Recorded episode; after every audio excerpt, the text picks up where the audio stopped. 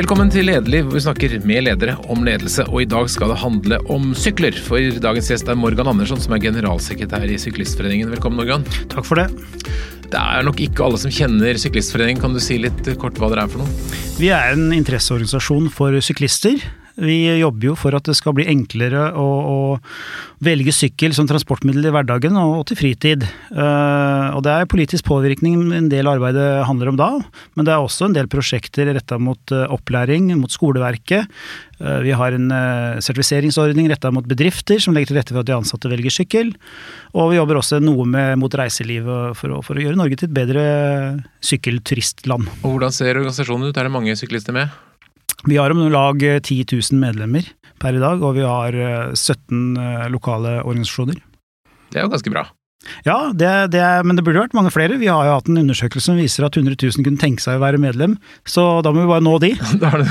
og den eh, organisasjonen eller sekretariat som du er leder for, da, hvor mange er det der? Der er vi nå om lag tolv stykker. Litt til og fra, avhengig av prosjekter eh, og ja.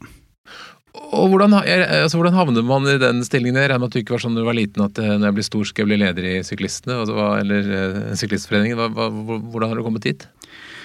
Jeg har uh, bakgrunn fra Jeg har studert organisasjon og ledelse på idrettshøyskolen, så min tenkte vei, det var jo å jobbe innenfor idretten, og det gjorde jeg også. De første elleve årene så var jeg generalsekretær for et mindre særforbund, Casingforbundet. Og, og det, det trivdes sånn godt med det. Fiskestang, ja, det er idrett med fiskestang. Ja. Presisjon og lengdekasting med, med fiskestang. Ja. Hvor Norge gjør det veldig bra, faktisk. Mm -hmm. Og det er jo sportsfiskere som er uh, rekrutteringsbasen der. Ja. Noe som er stort i Norge. Og etter elleve år der så, så fanga jeg opp da denne utlysninga. Var jo ikke på jobbsøk så, sådan, men den, traff jo på Den sjekka av veldig mange bokser for meg. Og den var det var eh, aktivitet, det var sykkel, det var også formålsbasert, det var innen frivillig sektor. Jeg hadde en god del eh, bagasje der som jeg kunne trekke inn der. Og så var det jo den eh, tiden vi var, var, i, som også talte til meg, med mer miljøfokus. Dette var helsefremmende, og det var mange aspekter ved sykling som jeg ønska Som jeg tente på. Og Hvordan starter man da, når man kommer fra casting, som jo er noe helt annet, og inn i en sånn organisasjon som vel har levd lenge, men som skulle formes på en eller annen måte? Ja, det, det ble jo en uh, tøff start, fordi jeg kom jo inn i en uh, ganske kriseramma situasjon for foreningen. Vi, og det var det som jeg måtte bruke den første tiden min til. Første halvåret det gikk til å, egentlig å være ryddegutt. På hvilken måte da? Få orden på økonomien, for vi hadde jo en, eh, en økonomi som var, var på grensen Vi var på randen av konkurs, og vi måtte ta umiddelbart uh, mange tak for å kutte kostnader og få opp inntektene. Og det, det, klarte vi i løpet av relativt kort tid. Det så veldig mørkt ut når jeg tok over, og jeg var jo ikke informert godt nok heller om situasjonen, men, uh, men det er en del av utfordringene. Du må, du må trå til og, og, ta de grepene som kreves, og akkurat der så var det noen tydelige grep som måtte tas, og det gjorde vi. Ikke aleine selvfølgelig, jeg hadde jo styret og flere med meg på det her. og og fikk eh, skuta på i løpet av et halvt år. Så det var litt sånn overraskelse for deg? Du kom og ble sjef, og så var det ikke helt akkurat det du hadde tenkt? Nei, det var underinformert. Eh, situasjonen var underinformert. Det, det, såpass kan jeg jo si nå, seks år etter. Men eh, vi kom vel ut av det. Hva har vært de viktigste grepene for å løfte organisasjonene? De viktigste grepene, det har jo vært å prøve å treffe allmennheten, publikum, med budskapet, hva det egentlig handler om. For det handler ikke nødvendigvis om den egnes interesser på sykkelen, men det handler om hva det kan føre til for byutvikling og mobilitet i norske byer. Og vi, vi jobber jo egentlig mot å få skape triveligere, mer attraktive byrom. Og det vil vi gjøre hvis man fokuserer mer og legger til rette mer for uh, aktiv transport. Ikke bare sykkel, men også gange og andre typer mikromobilitet. Men Sykling det tenker jeg er litt sånn som jernbane, alle er for, men så skjer det liksom ikke noe. mm. Det er helt riktig, og det er jo den uh, store utfordringen vår. At uh, det blir det blir eh, fort tamt. Alle nikker eh, samstemmende, og ja, dette er For det er ingen som er imot? Ingen som er imot, og dette er bra saker, dette skal vi ha mye fokus på. Og det er jo tydelig, det blir jo for så vidt tydeligere og tydeligere også i nasjonale planer, i Nasjonal transportplan, som er på en måte styringsdokumentet for, eh, for samferdselssektoren, at sykkel skal prioriteres. Men likevel så ser vi at man ikke følger opp med strategier, og ikke minst da midler, bevilgninger Av en eller annen grunn. Og dette her har jo vedvart i flere tiår. Allerede i 1977 så hadde man i Norsk Veiplan en uh, klar strategi om at i løpet av åtte år så skal alle tettsteder over 5000 innbyggere ha etablert et sammenhengende sykkelveinett. Og i, i 2020 så er det ingen som ennå har fått det. Det er ganske utrolig. Ja. Man blir litt eh, desillusjonert i forhold til politisk påvirkning, kanskje? Ja, og man kan jo spørre seg hva er årsaken? Hva, altså det, hva, hva er, er det, Og det handler om midler, det handler om prioritering, og det handler om fireårsperioder som du er valgt for. For dette er langsiktig arbeid, selvfølgelig. Uh, men vi, vi, vi, føler jo likevel at nå er vi inne i en tid Uh, og det er en, uh, hvor det er en satsing, en annen satsing vi har sett tidligere. Og vi, vi skal også klappe oss sjøl på skuldra og si at vi har vært med på den uh, reisen der og fått til mye underveis som, som en interesseorganisasjon for syklistene. Men vi ser også til utlandet at det skjer veldig mye, i de store byene spesielt. I Paris, London, Madrid, Roma. skjer masse på aktiv transport, miljøvennlig transport, og det skjer også i Oslo. Men vi har lang vei å gå, og noe av det vi mener er Eh, misforstått, det er at man bygger god sykkelinfrastruktur ved å, å etablere såkalte sykkelfelt. Du er fortsatt en del av trafikken. Bilene kan passere deg bare en halvmeter ifra, uh, og det er bare en stipla linje som skiller deg og de harde trafikantene. Det må være separate systemer for at det skal oppleves trygt nok for de store massene. Og vi ønsker, og det ønsker politikerne også, sier de, at alle skal kunne sykle, også de små og de eldre og kvinner. Og vi har en ambisjon i Oslo om å bygge en by for 8 til 80, og da må vi se det også på sykkelinfrastrukturen. Ja, for nå sitter jo vi i, i Barcode Bjørvika, og her har du jo i Dronning Afemias gate, som er liksom prestisjegaten her ute, så har det jo vært mye diskusjoner rundt sykkel, og man har utvidet feltene, og, men det er jo fortsatt bare sånn liten rød stripe å konkurrere med bussen, og det har vært dødsfall her, så vi er vel ikke helt der vi burde vært? Ja, absolutt ikke, og uh, Dronning Afemia så hadde man alle muligheter. Det er jo en av de bredeste gateløpene i, i Norge, ikke sant, og så har man uh, blitt avspist med noen få meter på hver side, som om det skulle vært uh, en trang bakgate. Hvordan det, burde det vært gjort? Nei, det burde jo vært Det man også må få på, få på plass i samferdselssektoren, det er jo å snu hierarkiet, prioriteringshierarkiet, at i alle planer så skal vi prioritere de gående først, så kommer det syklende, og så kommer uh, miljøvennlig transport og varetransport osv. Og, så og, og kollektiv, selvfølgelig. Mm. Og, og, nederst så har vi fossildrevne biler. Ja, det er uh, prioriteringsstigen i alle planer. og Sånn gjør man det i Nederland, sånn gjør man det mange andre steder. Men vi har ikke gjort det i Norge. Hvis vi hadde gjort det i Bjørvika, så hadde vi jo sett en helt annen infrastruktur. Da hadde vi hatt store, brede gateløp med for syklistene. Nå det jo, er det jo en gate litt nedenfor her som blir mm, sykkelgata, da, i Operagata, så det, det, blir i hvert fall noe bedre. Men vi har jo hatt et veldig rødgrønt eller altså, vi har et rødgrønt byråd i Oslo som har vært veldig snakket mye om sykling. Men har det skjedd mye? Har vi fått mye sykkelveier i det siste? Det har skjedd, eh, hvis vi sammenligner med tidligere, tidligere tider, så har det skjedd mye. Det har vært en eh, økning, en tempoøkning, absolutt. Men eh, likevel så tror jeg ambisjonene er mye større enn det det har vært. Men de har for så vidt eh, fulgt planene sine langt på vei, og, innfridd på de langt på vei, det vil jeg si. Men jeg ønsker jo at også de kan eh, sette lista enda høyere. Fordi, som jeg nevnte tidligere, det er primært sykkelfelt det går i. Og ja, vi får en del eh, nye syklister, men det er veldig få eldre yngre som eh, tør å velge sykkelen fortsatt, og da må vi ha separat uh, systemer. Vi må være atskilt fra den øvrige trafikken. Vi må atskille gående, syklende og den øvrige trafikken. Har elsykkel forandret noe for dere? Blir, endrer det syklingen i Norge? Absolutt, og med elsykkel så får vi jo en mer relevant eh, bilerstatter. Og vi når nye grupper fordi det krever mindre fysikk. Og da har vi også de som kanskje er litt dårlig til bens og uføre. Vi har mange eldre som nå har begynt å sykle pga. elsykkelen, så det, det, klapper vi henda for. Og etter hvert så kommer nye grupper igjen, ikke bare disse jeg snakker om nå, men også uh, stisyklister, og innenfor turisme så kommer jo elsyklismen inn i, i, full fart nå. Så dette kommer til å bre om seg, og uh, vi ser for oss om fem-ti år så, så, er det allemannseie. Mm. Og så er det en annen type sykler som er mye omtalt i sommer. da, Det er disse elsparkesyklene som flyter overalt. Er det en um, ting som dere heier på? Vi heier på mikromobilitet, fordi uh, det gjør, tar mindre plass, det er miljøvennlig, og det kan uh, skape mer, mer uh, enklere treffsikker mobilitet for mange grupper. En, i, det er arealene som er under press her, og da må vi ta de store arealene som nå benyttes av biler og, og store tungtransport osv., som krever mye plass. og Så må vi få det ned, og sykkel er en del av mikromobiliteten, selvfølgelig. Og da, da får vi mange flere i, på samme areal. Eh, og Derfor så treffer jo elsparkesykkel på mange av de områdene også, men så ser vi jo at det er eh, mye problematikk. Og det forstår vi jo veldig godt. Det, vi kan jo ikke leve med at det ligger strødd elsparkesykler over, overalt i byen. Det skaper ikke en trivelig by, så vi må finne en løsning på det. Samtidig så er konkurransefortrinnet for elsparkesykkelen at den er alltid tilgjengelig mm. der du er og du kan sette den fra nesten hvor du vil. Så hva tenker du er løsningene? Nei, løsningen, eh, Det er mange diskusjoner nå på hva løsningen er. Jeg tenker at man kan komme langt med istedenfor å uh, være for streng med å, å, å, bruke pisken, så kanskje man kan se hva kan vi gjøre av bonusordninger kan man fremme en eh, ønska atferd ved at man gir eh, noen bonus, eh, noen plusser, hvis du parkerer på riktig sted, f.eks. Men, men vi er ikke fremme for at man oppretter parkering, parkeringssoner. Vi er ikke fremmed for at man kan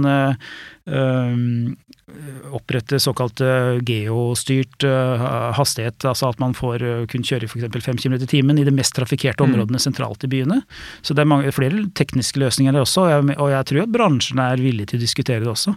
Men det har jo vært litt uh, uavklart da, hva myndighetene, hva kommunene kan gjøre og regulere. Det er ulik uh, tilnærming i Oslo, Trondheim og Bergen på det her. Det har vært en rettssak i Bergen nå nylig hvor uh, kommunen tapte. Så fortsatt en mye usikkerhet, men nå ser jo Samferdselsdepartementet på det, og det kommer vel kanskje en forskrift på det her. Men vi er, vi er spente på hva den forskriften blir. Noe av vårt interessefelt her, det er jo at elsparkesykkel reguleres som sykkel.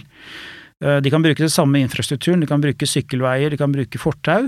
Eh, så, vi har jo helt klart en eh, tydelig interesse i det spørsmålet her, på alle mulige måter. Så vi, vi er jo involvert. Men hvis vi ser på liksom det store bildet, hvordan er sykkel i Norge? Hvor mye sykles det i forhold til andre ting, og hvordan har det utviklet seg over tid? Eh, sykkelandelen, som da er eh, målet på hvor mange reiser som tas med sykkel, den har ligget eh, mellom 4-5% på hele 2000-tallet. Og ved sist måling så var den økt litt, noe, men ikke veldig mye. Så antallet reiser, ikke antallet kilometer? Men Nei, antall reiser, ja. Mm -hmm. Så den ligger på noe over 5 Så Det faktiske tallet det har økt veldig, for antall reiser har jo også økt. Mm. Men man konkurrerer jo, for å kalle det det, da, mot kollektivtransporten blant annet. Men vi må jo få gode løsninger på hvordan disse ulike transportmidlene kan virke sammen. Og vi skal se jo ikke på kollektivtrafikken som noen konkurrent, sånn sett. Men det er absolutt rom for, for, for mange flere reiser. Det vil skape bedre, tryggere byrom. Og jeg mener jo at mobilitet er jo en tilnærmet en menneskerett. Hvorfor skal ikke barn som ikke har sertifikat kunne være mobile i dagens samfunn, i byer? Uh, utenom å bruke beina og gå, gå og løpe, holdt jeg på å si. Jo, du skal bruke sykkelen, men da må det være trygt, og da må man bygge trygge, gode systemer. I jo, hvordan er det i dag? Tør tør foreldre å la barna sine sykle til skolen? Nei, med rette. Ja, til skolen eh, så, så tør man ofte det, for der har man ofte i, ikke i mest sentrale strøk, men uh, mindre steder uh, så har man jo ofte relativt trygge systemer fra bo, boligområder som, som, er i nærheten av skole, skoler, mm -hmm. og til skolen. Men likevel så ser vi at veldig mange kjører barna sine. Og det er jo noe vi, med flere med oss, jobber nå for at man skal endre den endre at færre bruker bilen, og det jobber vi sammen med Trygg Trafikk og mange andre såkalt hjertesoneprosjekt, annet. Tar man fortsatt sånn sykkelknappen og sånne ting? Ja, det man har noen steder så har man øh, noe tilsvarende, men nå har vi gått sammen med NAF og Trygg Trafikk, og så har vi etablert en uh, portal, en sykkelopplæringsportal som heter Sykkeldyktig, som uh, nå implementeres i skoler Norge rundt. Så, så det er helt, helt fersk ordning. og forhåpentligvis kommer eh, etter hvert alle skoler til å benytte den. Men Dere jobber da for at flere skal sykle, at det skal bli tilrettelagt for det. Men hva er de viktigste argumentene? Er det, er det klima, eller er det folkehelse, eller mobilitet, eller hva, hva er liksom grunnen til at vi skal satse på sykkel? Det er et godt spørsmål. Da, kan, da, burde man kanskje stille brukerne det spørsmålet. Hvorfor velger du sykkel, og hvorfor bør du velge sykkel? Vi mener jo at øh, den sjekker jo av på, på, det meste her. Det er helsefremmende, det er miljøvennlig, øh, den tar lite plass. Det er eh, effektiv, eh, treffsikker mobilitet, i, i, hvert fall i eh, kompakte byer, sånn som vi har en del av i Norge.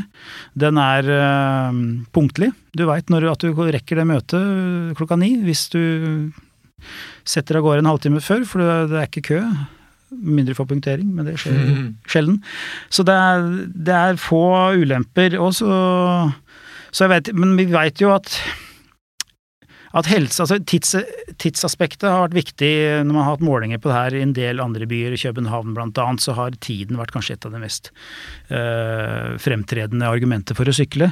Altså at man vet, sparer tid på å sykle, rett og slett? Ja, faktisk. Ja. Mm. Men vi veit jo også at det største problemene, behovene, som man egentlig bør adressere mot politikere og andre, det er jo helseproblematikken. WHO har uh, gjennomført en metastudie hvor de hadde sett på nær eller over 300 undersøkelser og uh, konkludert med at uh, om, om lag 1,5 milliarder mennesker verden over står i fare for å dø prematurt eller for tidlig død pga. inaktivitet. Og de peker på uh, prime solution is active transport. Mm.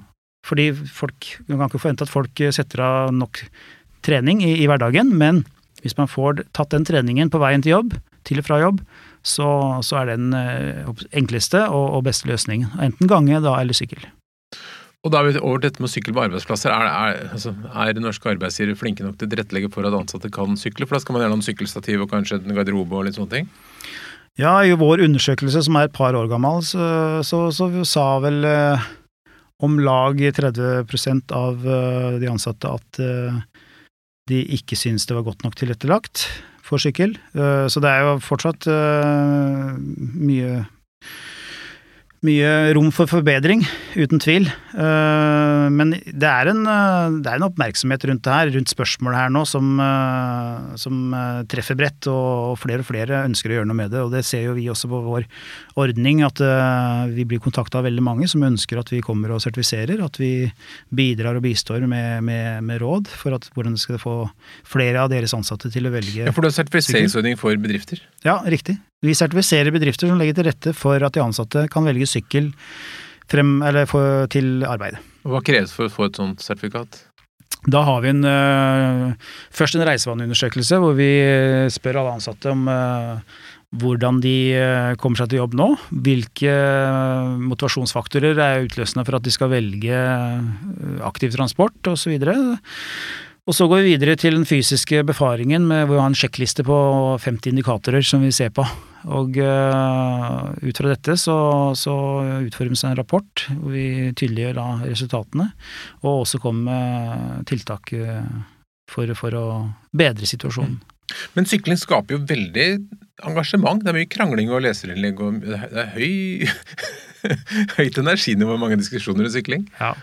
Absolutt. Eh, og vi kan jo spørre oss hvor, hvor eh, relevant det er, og hvor mye er medieskapt. Men eh, det vi som interesseorganisasjon ser jo helt klart at det er gnisninger, det er spenninger, og det er mye av det mener vi kan føres tilbake til manglende infrastruktur. Eh, syklistene er jo eh, man without a land, de har ikke noe eget dedikert eh, infrastruktur. så De veksler da mellom å være på fortau, ute i veibanen. Og så er det klart at det er noen som sykler på rødt også, og vi mm. må jo overholde trafikkregler som alle andre, det skal vi gjøre. Men mye av problematikken det ligger nettopp i at det er for dårlig utbygd ja, Det er også noe av irritasjonsmomentet for bilister, blant annet. at man er delvis syklist, eller fotgjenger og bilist, og de hopper frem og tilbake. Det er vanskelig å forholde seg til syklister, egentlig. Ja, det stemmer. Og så er det kanskje en del som øh, ser dette som en treningsarena, mens andre ser det som en koselig tur. Og det er vel også en utfordring mellom syklister? Ja, du har jo ulike typer turist, eller syklister også. Øh, de som trener, de er som regel flinke til å ikke være i, i, byene og sentralt, men tar, stikker ut på treningstur litt utenfor der det er mye mennesker. Men det er klart, til og fra jobben på såkalte Tour de Finance, så, ja. så ser vi jo også at det er gnisninger mellom syklister seg imellom. Og da handler det om hastighetsforskjeller. Og da snakker vi jo igjen om at det er såpass stort trøkk på den, på den strekningen at der burde man ha hatt enda bedre infrastruktur, selv om det er egentlig er en av de beste i landet. Men, ja, for dette er vest fra, fra Oslo, ja. inn mot Oslo, hvor det er jo enorm hastighet og ganske mange syklister? Det stemmer. Og der har vi jo alt fra de som sykler i 10 km i timen, eh, til de som er oppe i 30 km i timen, skal passere og ikke alltid med god nok avstand. Eh, så det er veldig mange syklister, og den burde rett og slett vært eh, bredere. Og, og noen steder i verden så har man også slow lane og fast lane. Og noen steder kan man se på det, og nå har vi også en såkalt sykkelekspressveier som skal bygges. Og det er jo såkalt som går inn fra, fra utkant av byene og inn, inn mot, uh, mot uh, arbeidsclustere osv. Mm. Uh, som skal frakte mange mennesker. Uh, det er ikke bygga ennå i Norge, men det blir spennende å se hvordan de blir seende ut. Hvor er det aller best i Norge? Er det én by eller et sted som har utpekt seg som liksom spesielt sykkelvennlig? Vi har jo en kåring. Annethvert år så kårer vi Norges beste sykkelby. Eh, de første jeg tror det er fem gangene så vant eh, Lillestrøm, men nå sist så vant Kristiansand den kåringen. Og da handler det om gjennom eh, hvor utbygd er sykkelveinettverket, men også en del andre kriterier som vi innhenter fra kommunene i forhold til drift og også året igjennom. Og da Kristiansand vil jeg jo si kanskje er den byen i Norge som har best utbygd sykkelveinett. Det har de, det skårer relativt bra på. Selv om det ikke er sammenhengende helt, så, så har de fått en uh, noenlunde god løsning der. Men vi har også andre byer som uh, gjør det bra. Det er Stavanger og Trondheim, som også Alle disse tre byene har over 10 sykkelandel. Det vil si at 10% av reisende tas med sykkel. Så i norsk sammenheng så er det, er det i toppen. Hvor mye tenker du at det går an å komme opp i? Nei, vi har jo et mål i uh, regjeringsplattformen og i Nasjonal transportplan om at de store byene så skal det være 20 sykkelandel. Hele, hele, året? Ja, ja, alle reiser i løpet av et år, mm. så skal 12, nei, 20% av de tas med sykkel. Og det er eh, gode mål, hårete mål, men da må det igjen da settes uh, Da må bevilgningene følge målene. Og når du da skal lede denne organisasjonen med veldig mange syklister på veldig mange steder og lokallag osv., og, og skal prøve å dra dem i felles retning, hvordan jobber du, hvordan tenker du at du skal være som leder? Har du en, en klar sånn lederfilosofi? Ja, det er et godt spørsmål. Vi har eh, vi har eh, det, altså Frivillig organisasjon er jo en kompleks organisasjon, for det er så mange interessenter, stakeholders, uh, ulike grupper med ulike innsatsfaktorer som de bringer til bord. I tillegg, uh, altså de frivillige de kan ikke ledes på samme måte som de ansatte. Samtidig så ser vi at det er en viss profesjonalisering også i frivillig sektor, uten at vi blir topptunge. Men man skal jo forvalte alle de verdiene og ressursene og frivilligheten på god måte for å få best, mest mulig nytte og mest mulig brukerverdi. Så det, det, er, det er komplekst å prøve å balansere alle de hensynene, det er en eh, leders hverdag i frivillig sektor. Og det er noe jeg håper jeg blir bedre på dag for dag. Men hvordan vil du at du skal bli oppfattet som leder, da?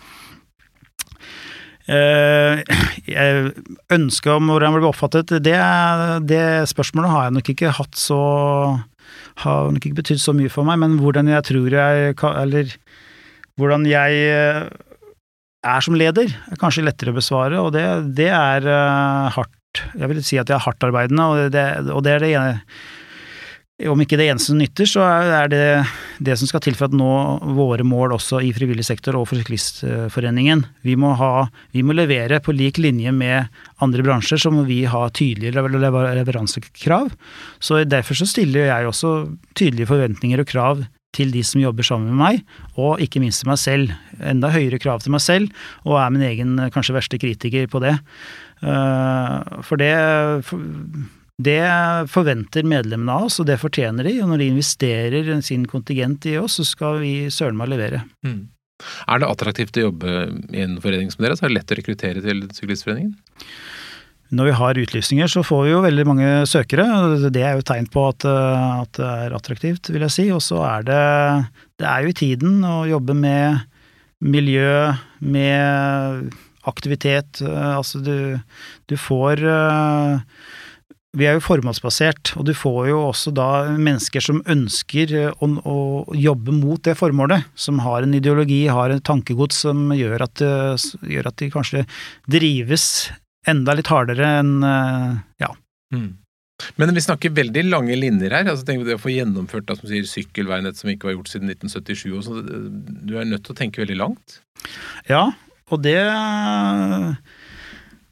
det er, kan være, virke frustrerende selvfølgelig for mange. fordi man ser, vi ser, Men vi ser mange resultater på kort sikt også. Men når det gjelder sykkelveinett og utbygging av sykkelveier, som er en viktig del av arbeidet vårt, så har vi jo små seire hele veien. Mm. Vi har en eh, strekning eh, i en bygd, vi har eh, Har du noen konkrete seire du har lyst til å nevne? Ja, jeg kan jo nevne at forrige NTP-rullering og i regjeringsplattformen at vi fikk inn mål om at 8% av alle sykkelreiser i Norge skal tas Nei, ja, 80% av alle reiser skal mm. tas med sykkel. Mm. Og så følger vi jo nå opp regjeringen på det. Ja, hva innebærer det? Ikke sant? Hvor er strategien, hvor er midlene? Og det kjører vi ganske knallhardt på. Vi har jo nå nylig hatt et opprop hvor vi har samla 21 organisasjoner i i eh, krav om økt satsing på sykkel og gange i den kommende nasjonal transportplan. Mm. Og det er, er, foreninger som representerer 1,5 millioner medlemmer. Og da mener vi at uh, da er man nødt til å lytte. Mm. Og vi har hatt en overrekkelse med, med samferdselsministeren hvor, hvor uh, budskapet ble tydelig over, overlevert, og vi kommer til å følge det opp uh, fremover nå, nå i møte med politikere og ministre. Ja, for nå er det et valg om et drøyt år dere skal påvirke, selvfølgelig. Er, er, oppfatter dere at dere blir lyttet til av, av, politikerne? Ja, vi gjør det. Men de har jo mange, mange de skal lytte til, dessverre. Men eh, vi, vi oppfatter og opplever at vi blir lytta mer og mer til, og at nå, nå er det kanskje et taktskifte vi ser fremover nå. Men eh, det kommer ikke av seg sjøl, så vi må vi må trykke på, og vi må ha flere med oss. og Derfor har vi da samla disse 21 organisasjonene i Vi kan ikke kalle det en allianse, så formelt er det ikke ennå, men det er i hvert fall en, en felles agenda nå som vi skal få med de på videre. Og Hvordan klarer du å mobilisere medlemmene dine til, til liksom støtte opp under initiativet? Det er jo kommunikasjonsarbeidet vårt. Det mm. daglige og langsiktige kommunikasjonsarbeidet vårt. Og det er eh, ikke noe trylleformel for det. Men eh, vi ser jo hva som fungerer, og vi analyserer jo dataene til enhver tid eh, på hvordan vi treffer og, og med, både medlemmer og publikum. For vi er jo langt på vei en forening for alle syklister, og potensielle syklister, og de som kunne tenke seg å sykle osv. Mm. Ikke bare egne medlemmer. Så vi snakker jo til veldig mange. Men medlemmene Vi har jo relativt øh, god dialog med medlemmene, men det kan alltid bli bedre. Og det er noe av det vi skal fokusere på i fremtiden også. Hvor kan vi kommunisere enda bedre med medlemmene og skape en bedre medlemsreise. For uh, vi er jo tross alt en relativt liten organisasjon med ti-tolv stykker som arbeider til enhver tid, og vi har uh, et par stykker på kommunikasjon, så, så er, uh, er det viktig at vi jobber målretta og profesjonelt i kommunikasjonsarbeidet vårt, for at vi veit at vi treffer medlemmene med budskapet vårt, og at vi jobber med det de mener vi skal jobbe med. Men sånn som i lokallag, Er det mange som har lyst til å liksom melde seg inn for å gjøre en innsats, eller er det mest bare at man er med for å mm, støtte saka med et par kroner? Vi skulle gjerne vært flere frivillige som, eh, som eh, gjorde en innsats, eh, men vi setter jo kjempestor pris på selvfølgelig på de som gjør det. det mm. men ofte så er det styret som på en måte bretter opp armene og, gjør et stykke arbeid, men, og kretsen rundt de. Og ellers så er det jo støttemedlemmer, for å kalle det de mm. resterende. De, men vi trenger alle. Hva er de typiske aktivitetene i et lokallag? Nei, Det er politisk påvirkning. Man er med på høringer, man er med på å spille inn i forhold til reguleringsplaner, fremme krav om økt trafikksikkerhet, legge bedre til rette for syklister, skolevei. Og det handler om events. Det handler om å arrangere Sykkelens dag, som er den største årlige markeringen vi har, sammen med alle lokallagene. Og vi har aksjon som heter Synlig syklist, hvor vi deler ut lykter og orienterer om hvor viktig det er å se og bli sett i trafikken. Og vi har også en del andre ulike lokale samarbeid med politi og skoleverk og andre. Er det noe av det du har fått til så langt i foreningen som liksom har vært spesielt hyggelig eller inspirerende for deg som leder? Uh, ja, det, jeg vil jo si Etter jeg begynte, så er det jo flere ting som har, som har blitt etablert, og ikke minst sykkelvennlig arbeidsplass. Den sertifiseringsordningen som jeg nevnte, den, uh, den, lanserte vi for tre år siden etter en pilotfase, og der hadde vi med Oslo kommune blant annet, som i pilotfasen, og flere andre. Så, og den har jo nå begynt å virkelig ta av. Så det er jo en av de som si bedriftene som jeg kan være litt stolt av. Eh, vi har sykkelkursopplæring for eh, ikke bare for elever og barn på, på skolene, men også for minoritetsgrupper. Som, så den type prosjekter hvor, hvor jeg er veldig målretta i forhold til målgruppe og kan se resultatene fra dag til dag nærmest, det er jo selvfølgelig givende. Vi trenger det også, og ikke bare de langtidsplanene som, eh, som ja, det kan være demotiverende å bare jobbe med 20-30 års mål. Så derfor så trenger vi disse daglige, daglige ukentlige suksessene. Hva har du lært uh, om myndighetspåvirkning i den perioden? For jeg regner med at det er mer myndighetspåvirkning nå i, i uh, Syklistforeningen enn det var i Castingforbundet? Ja, absolutt. Det jeg har lært av uh, Noe av reisen her, det har jo vært også for meg, å ta organisasjonen fra å være en, eh, en aktivistorganisasjon, som skal stå på barrierene og brette opp armene. Vi har fortsatt den delen med oss. Det er kultur, og det er historie, og vi ser mye, kanskje mer av det i, i lokale ledd. Men og likevel å bevege seg mer fra den eh, type organisasjon til å bli en mer profesjonell aktør som blir tatt eh, seriøst, og fokuserer på samarbeid i mye større grad enn før. Vi skal fortsatt være en kritisk stemme og si ifra når ting er, er i orden, men vi må være pragmatisk hvis vi skal få resultater. Og, det, og den, den, rollen der, den har vi mer og mer tatt, og vi ser at vi får mer og mer gehør på grunn av det. Mm. Men hvis du da hadde fått å si, uh, frie hender, og du hadde blitt satt inn i, som sykkelminister i den nye regjeringen neste år, hva, hva ville du gjort? Altså, hva er det vi trenger å gjøre? Nei, Da ville jeg jo fulgt uh, veiplanen fra 1977 som sa at nå skal vi ut, bygge ut uh, sammenhengende separat sykkelinfrastruktur i alle tettsteder over 5000 innbyggere. Det hadde vært mitt, min, uh, min, store ambisjon, min visjon. Altså det, det, jeg savner jo, jeg må jo si at politikere gjør mye bra, og vi, og vi, jobber godt sammen med de på mange måter, men jeg savner jo de store visjonene innenfor samferdsel, dessverre. Og i hvert fall når det gjelder myke trafikanter. Mm. Det blir sagt mye gode ord, og eh, da sittende minister også, Hareide, når han kom eh, kom, eh, tok over eh, rollen som eh, samferdselsminister, så, så, så fremheva han nettopp myke trafikanter, at han kom til å jobbe for de, mm. og at miljøet ville være et fokusområde for han. Og vi venter jo fortsatt på at han virkelig tar tak i det, og det er det også vi ønsker nå at, at han gjør da med det oppropet, og, og, at han får det nå inn i, på en tydelig, sterk måte i neste nasjonale transportplan. Hvordan er det med din egen sykling? Blir det mye sykling? Jeg sykler uh, mer og mer. jeg er jo programforplikta til å sykle en del, selvfølgelig, men uh, jeg bruker sykkelen uh, daglig. Jeg gjør det. Til småturer mest. Jeg bor på Jessheim, så jeg tar toget til jobben i Oslo. Men utover det så sykler jeg så mye jeg kan. Det, det sies jo at det er jo der man får best ideer. Det er det er i hvert fall engelsk uttrykk som heter bath, bike and, Nei, hva er det for? Bath, bed and bicycle, det er der du får ideen. Altså Det er sengen, i, i badet og på sykkelen. Det er der man skal være hvis man skal få gode ideer. Jeg vet ikke om du opplever det? Jo, jeg opplever det. at man, Når man er fysisk aktivitet, enten man jogger eller man sykler, så, så skjer det noe i topplokket. og Så det vil jeg anbefale hvis man uh, står litt i stampe. Så ta en uh, liten luftetur. Enten det er uh, løping eller om det er sykling, så, så vil ting skje i toppen. det er bra. Hvis noen kommer til deg og, og, og sier Morgan, jeg har lyst til å bli sånn leder som deg, jeg skal jo også lede en organisasjon, en pressgruppe kanskje en gang. Hva er de tre viktige viktigste lederrådene du vil gi? Uh, jeg vil uh, Jeg har fått mye effekt av å lytte til mine nærmeste, så det er et råd jeg vil gi. Lytt til de nærmeste. De kjenner deg, de kjenner situasjonen du er i. De kjenner utfordringen din, arbeidsplassen din, oppgavene. Lytt til de. La de være en coach for deg. Uh, ellers så vil jeg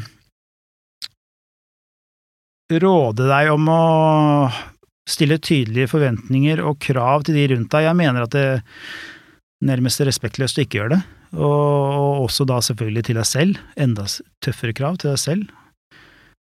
Og det siste må jo være, som jeg nevnte i sted, at uh, vær pragmatisk. Vær resultatorientert, og for å være det, og for å nå resultater, så må du være pragmatisk. Og da kan du ikke ri kjepphestene, du må kill your darlings, og du må, du må være ja, ha resultatet i fokus til enhver tid, og hvordan kommer vi dit.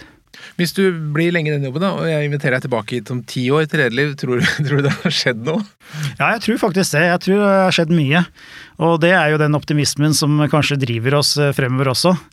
Uh, og det er også en, nok et lederråd vil jo være hold ut, uh, tålmodighet, toleranse, vær en stayer. For i hvert fall i, i vår bransje så, så, er det langsiktige planer og langsiktig fokus. det er vi nødt til å forholde oss til. Men jeg tror faktisk at nå er det taktskifte i verden som sådan, og i Norge, når det gjelder eh, aktiv mobilitet. Sykkel, gange og mikromobilitet. Helt klart. Da krysser vi fingrene for det. Tusen takk for at du kom til Lederliv, Morgan. Takk. Lederliv er en podkast fra Apeland. Redaksjonen består av Ellen Paulsen, Lars Jarle Melum, Lars Volden og meg, som heter Ole Kristian Apeland. Hvis du vil høre mer, så trykk abonner. Da får du varsel når det kommer nye episoder. Og hvis du har noen tips, så send en e-post til tips at lederliv eller til meg, ole at apeland.no. Takk for at du lytter.